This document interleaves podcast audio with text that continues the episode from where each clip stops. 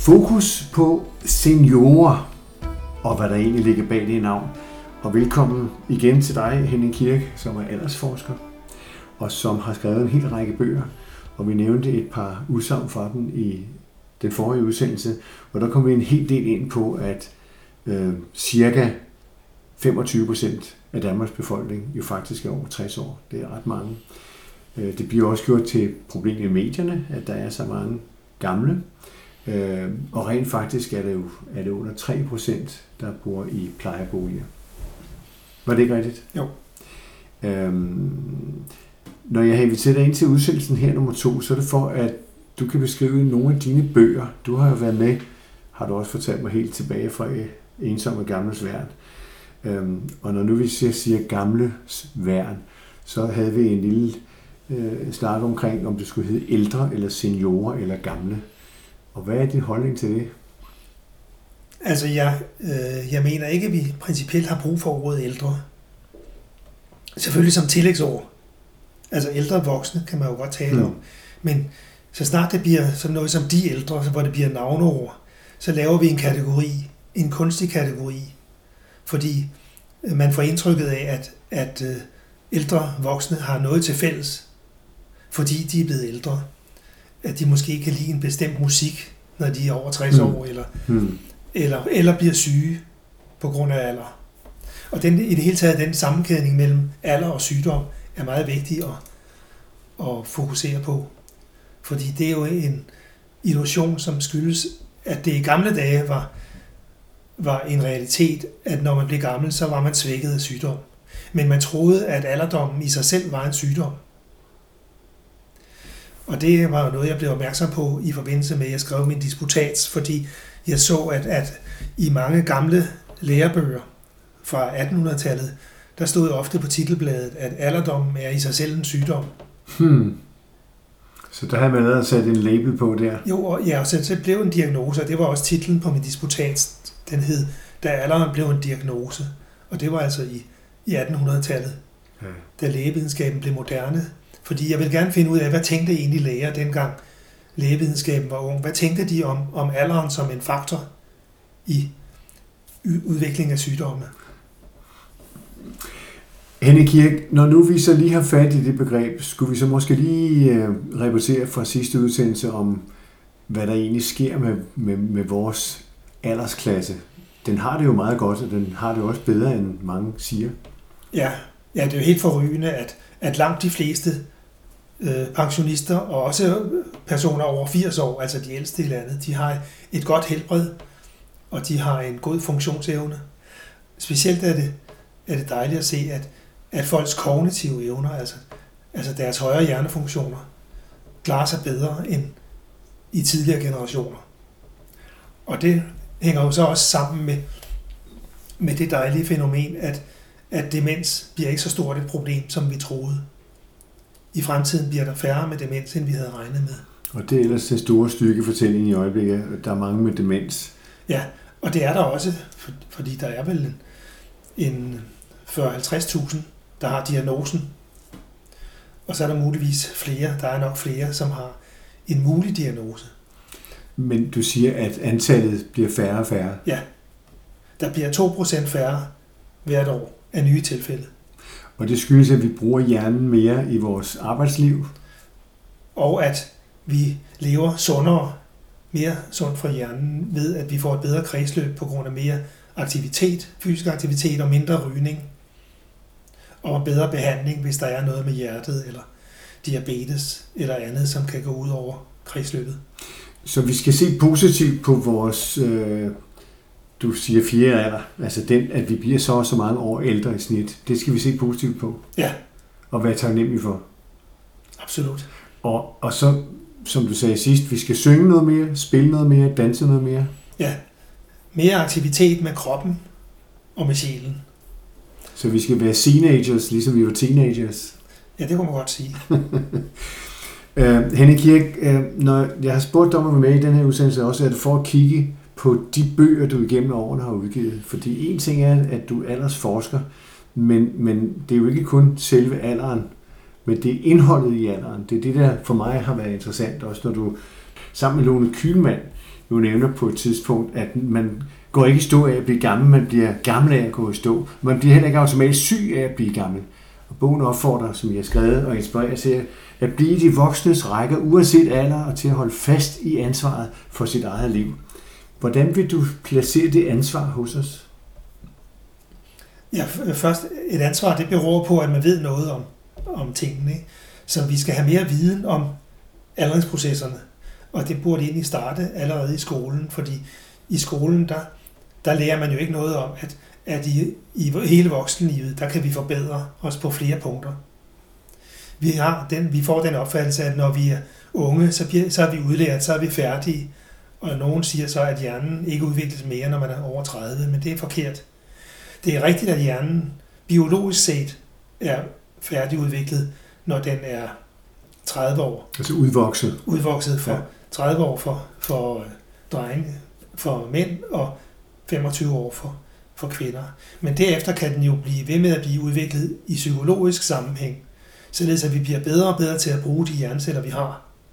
Også selvom vi har færre hjerneceller måske. Vil det sige, at vi kan blive gode til at sortere affaldet fra, ligesom man gør på en computer for den sags skyld? Ja, men, men også ved at lave nye netværk. Mm-hmm. For eksempel er der, er der meget forskning i øjeblikket på samarbejdet mellem højre og venstre hjernehalvdel. I det, man i folketingssprog kunne kalde samarbejde hen over midten. ja. øh, som er konkretiseret ved, at vi har en, det vi kalder en hjernebjælke med en, en masse ledninger, der forbinder højre og venstre hjernehalvdel. Altså nervetråde. 200 millioner nervetråde har vi mellem højre og venstre hjernehalvdel. Og det er dem, der gør, at vi kan samarbejde mellem højre og venstre hånd. For eksempel når man strikker, eller når man spiller på klaver, eller når man i øvrigt laver noget, hvor man kombinerer højre og venstre hånds arbejde. Det kunne også være, når man lurer i rosenbedet.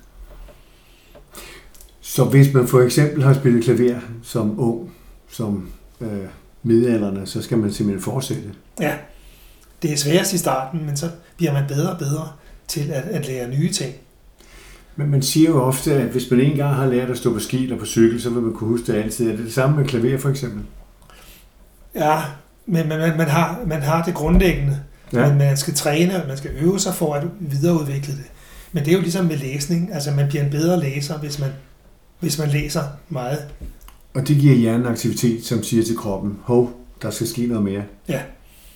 Så det er en sund cirkel. Så hjernen siger, mere vil have mere. og hjernen tænker fremad.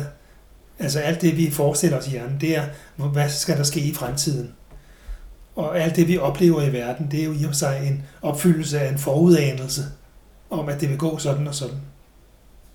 Så vi skal hænge på og være optimister? Absolut. Og det mener du, det kunne godt være en idé at indføre det som en slags foredrag i skolen på et tidspunkt? Ja, det kunne indgå i, i fag i psykologi og samfundslære. At vi har et langt voksenliv, hvor vi bliver ved med at udvikle os. Selvom hjernen ikke bliver større, så fungerer den bedre, fordi den bliver bedre til at samarbejde øh, på tvær, kryds og tværs hen over midten, og så mellem overetage og underetage.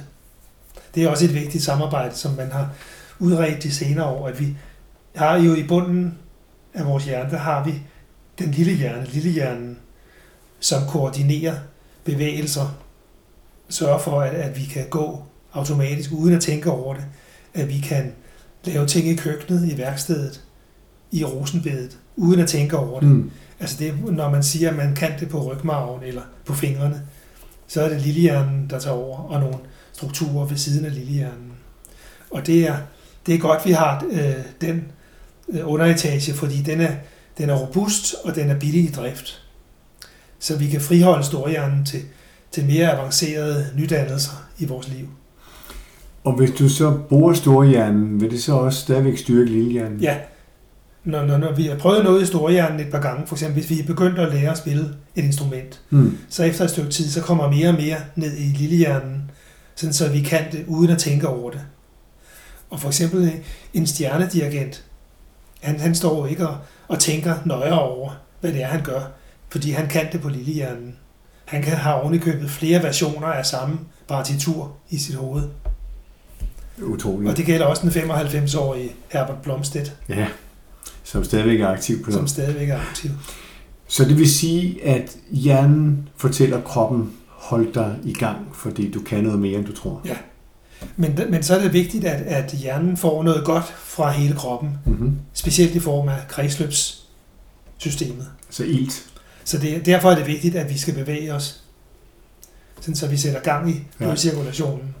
Og du siger dans, det kan også være øh, gåtur hver anden dag. altså dans, dag. dans er særlig godt, fordi der træner vi netop de der automatiserede bevægelser. Line dance, Mm-hmm. tango og sådan nogle dansetrin, hvor vi jo ikke skal tænke over de enkelte skridt, men det er noget, vi, vi ved hjælp af hjernens underetage bare kan udføre. Men hvad så med, med hurtig gang ud af stier? Jamen det er også godt, også fordi vi oplever noget, når vi går. Altså vi ser naturen, vi ser arkitektur i byen. Vi oplever noget, og det er der jo mange, der har gjort i forbindelse med coronaen, at de har gået mere på deres fødder end, end tidligere. Og få billeder ind i hovedet, Ja. som er nye, ja. Tilbage til dine bøger, som vi skulle tale om. Hvad fik dig interesseret i i sin tid at, at gå i gang med det her studie? Ja, det var faktisk den oplevelse som ung læge af, at, at vi, vi var meget optaget af de forskellige organsystemer. Der var nogen, der blev interesseret i hjert, hjert, hjerteforskning, og nogen blev interesseret i mavetarmforskning, og nogen blev interesseret i ledforskning. Men der var ikke nogen, der interesserede sig for de gamle patienter. Og dem havde vi mange af på de københavnske hospitaler. Hmm. Og så fandt jeg ud af sammen med en kollega, at vi skulle se og finde ud af, hvordan går- går det egentlig de mennesker? Hvad gør vi ved dem? Er vi dårlige, eller er vi gode til dem? Og hvad sker der efter, de er kommet hjem igen? Altså det, man kunne kalde sociale, socialt betingede indlæggelser. Hvor det nogle gange var, var en begyndende demens, eller det var øh, ensomhed, kombineret med noget andet. Høretab måske. Hmm. Altså nogle, nogle symptomer, som vi ikke havde lært så meget om i studiet. Der havde vi lært om en, en 20-årig mand med, med sygdom i et organ. Det var vores billede, grundbillede som klinikere. Men det vi så, det var, så, det var 80-årige kvinder med, med sygdomme i fem forskellige organer. Det havde vi ikke lært noget om. Og frem for alt havde vi ikke lært noget om, hvor vigtigt det var, at de skulle genoptrænes, så de kunne komme hjem igen. Hmm. Og det satte så øh, flere spørgsmål ved, jamen, hvad er det egentlig, der sker, når vi bliver ældre? Hvad er aldringen for noget? Og jeg havde, jeg havde i studiet havde, jeg havde aldrig hørt ordet gerontologi. Og 10 år efter var jeg leder af et gerontologisk institut. ja. Så der er sket noget siden øh, 1980'erne. Men det var ikke noget, vi prioriterede i studiet, absolut ikke. Og hvorfor ikke, tror du? Af en eller anden grund, så var der ikke prestige forbundet ved at have med ældre patienter at gøre. Det var nogen, der var til besvær. Fordi de lå for mange dage i hospitalsengene, og så kunne man ikke skrive dem ud, fordi de skulle have hjælp derhjemme, og det virkede ikke. Og Men det triggede dig jo åbenbart. ja, fordi hvad lå under det her med aldringen? Er, det noget, er der noget, vi kan forebygge? Noget, vi ikke har vidst før?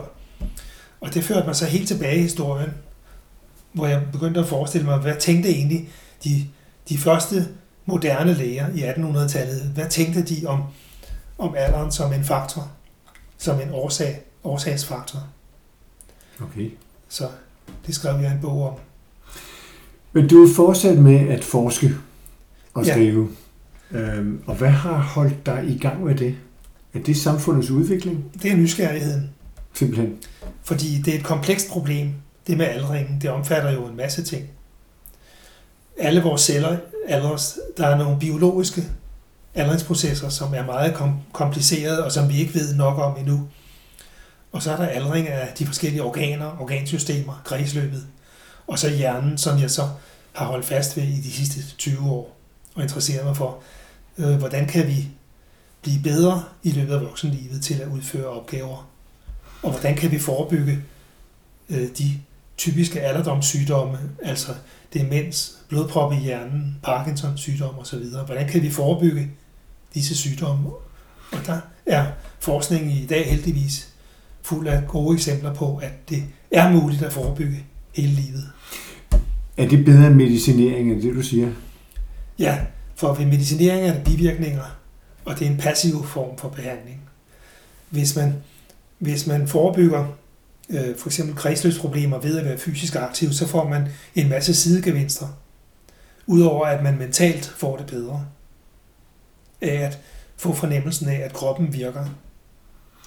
Men er det fordi vi mennesker er dogne, at vi ikke ser, at vi måske skal bruge, nu siger jeg for eksempel tre gange et kvarter om dagen, hvis det er nok, det ved jeg ikke, det ved du bedre, men at vi skal tage os sammen og gøre noget med vores krop? Ja, altså det er, det er nok noget iboende i os, at, at vi med alderen har en tendens til at kunne blive malige, hvis, hvis øh, lænestolen er blød.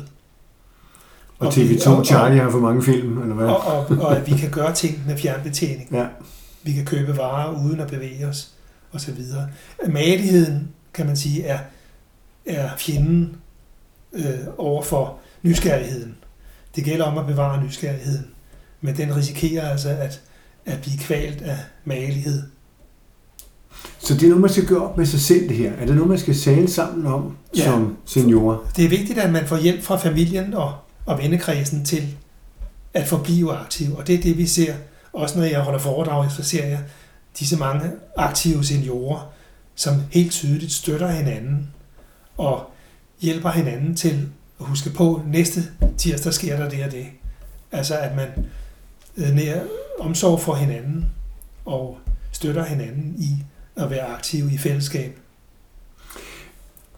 Der er ofte nogen, som siger, jamen det er dyrt at have alle disse mennesker, som er seniorer og folkepensionister. De har jo trods alt, vil jeg så sige, betalt skat hele livet til det jo. Men hvad skal vi sige, den ting, der skal til for at overbevise politikere og medier om, at vi er aktive og vi bidrager til samfundet, hvordan skal det gøres? Ja, og vi kan, hvis vi forbliver aktive, så bliver vi en mindre øh, sygdomsbyrde Ja. For samfundet i fremtiden. Så sygehusvæsenet har ikke nogen problemer med de Nej. ældre. Selvfølgelig sygdoms, øh, sygehusvæsenet vil blive mærket af, at der kommer så mange gråhårede, som gerne vil have udskiftet linsen i øjet, eller, eller knæene, eller, eller hvad det nu er. Der er ingen tvivl om, der kommer nogle øgede sygehusudgifter, men til en bestemt form for, for indgreb, altså det man kalder elektiv kirurgi, altså planlagte udskiftning af organer og så, så videre. Men det er vel fair men, nok. men ikke den type indlæggelser, hvor man indlægges på grund af, af pleje- og omsorgsbehov, på grund af generel svækkelse. På grund af dogenskab, malighed, er det du siger. Ja, det er en af, en af risikofaktorerne. Ikke? Og, der, og i den sammenhæng vil der jo så også på sigt blive, blive mindre brug for, for plejeboliger og plejehjem. Så i virkeligheden er seniorerne ikke nogen økonomisk belastning for samfundet.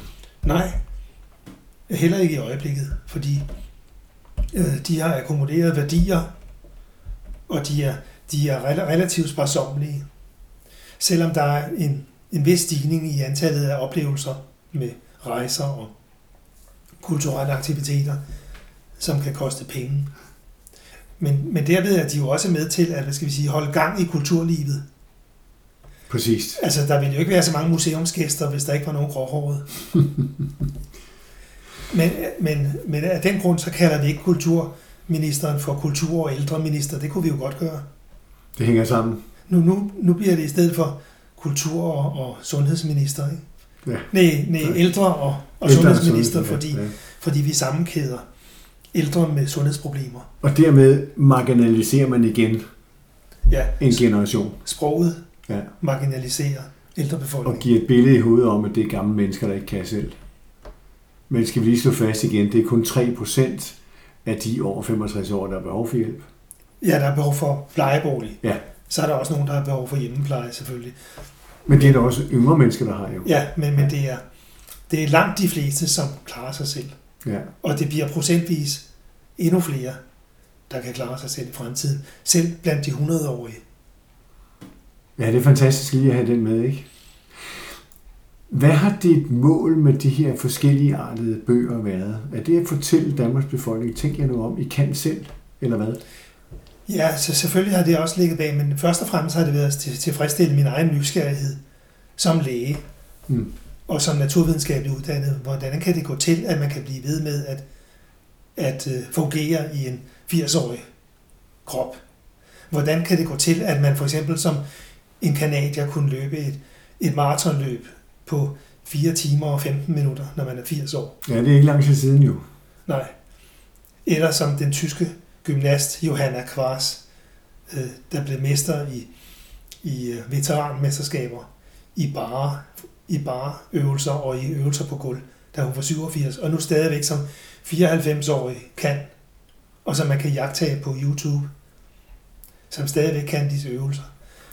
Snor rundt om sig selv, uden at blive svimmel, og skå, øh, lave skulderstand i baren og svinge ud med, med samlede ben Det er fantastisk. fra baren.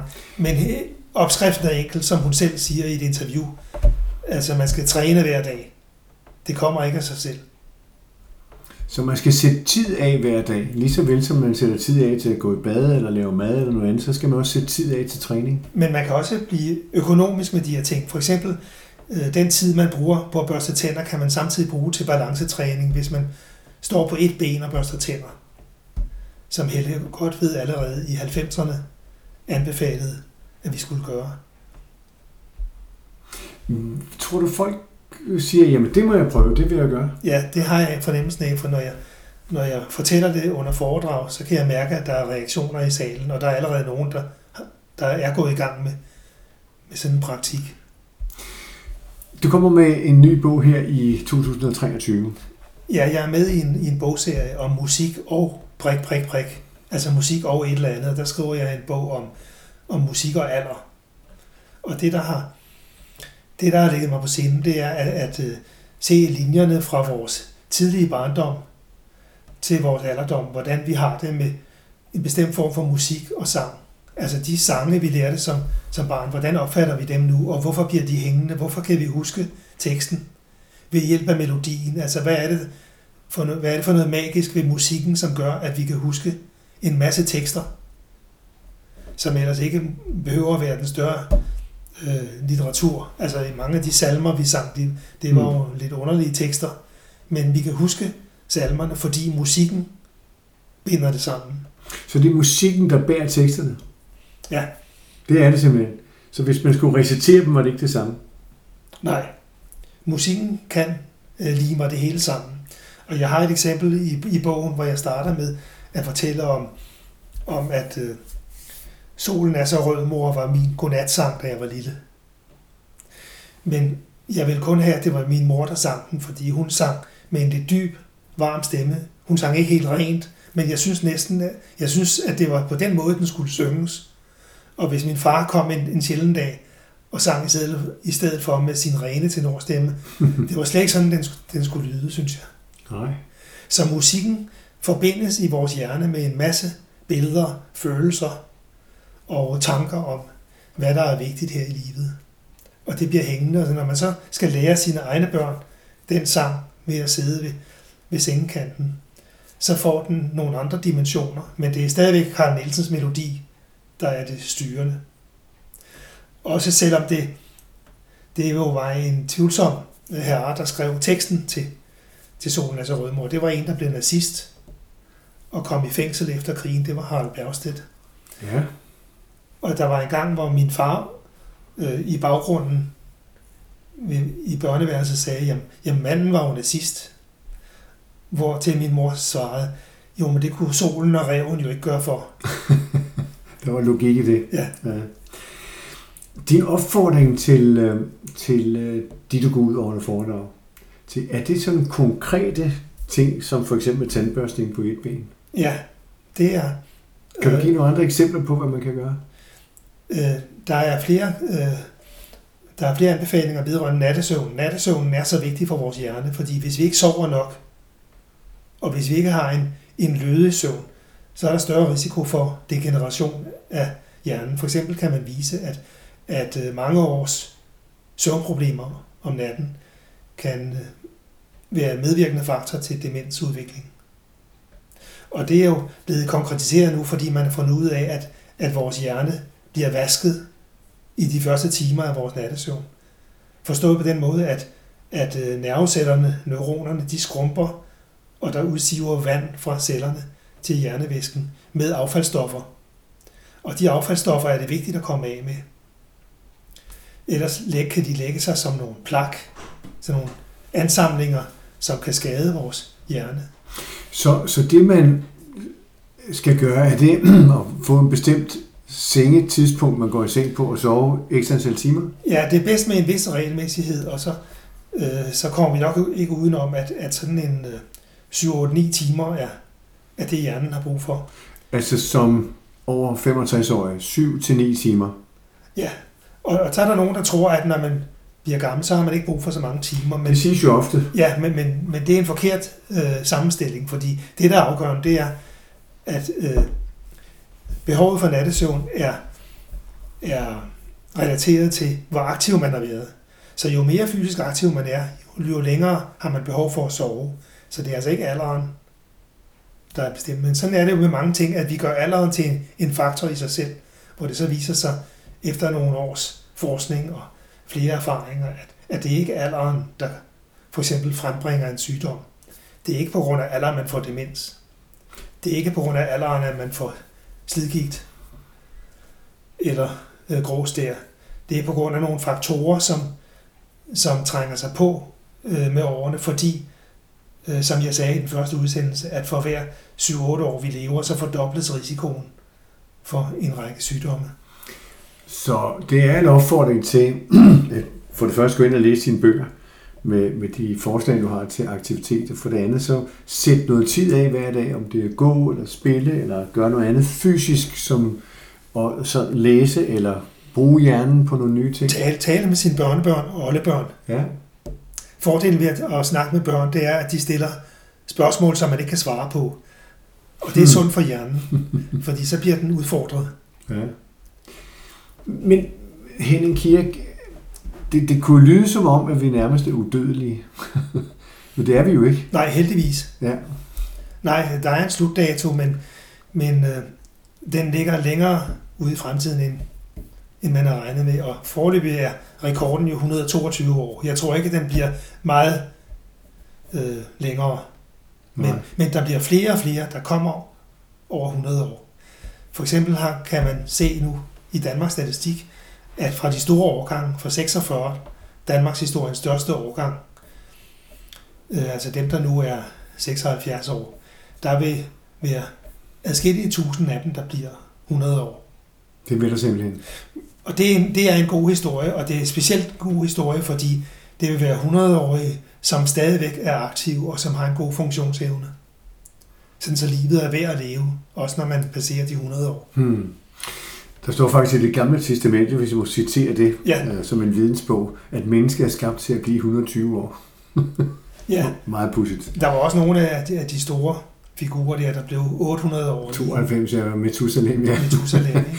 Nu ved jeg ikke, hvilken tidsregning de havde. Men, men når nu man så ser på det her øh, med, at så mange i, fra 46 op efter bliver så meget øh, ældre, det må vi gerne sige her, ikke?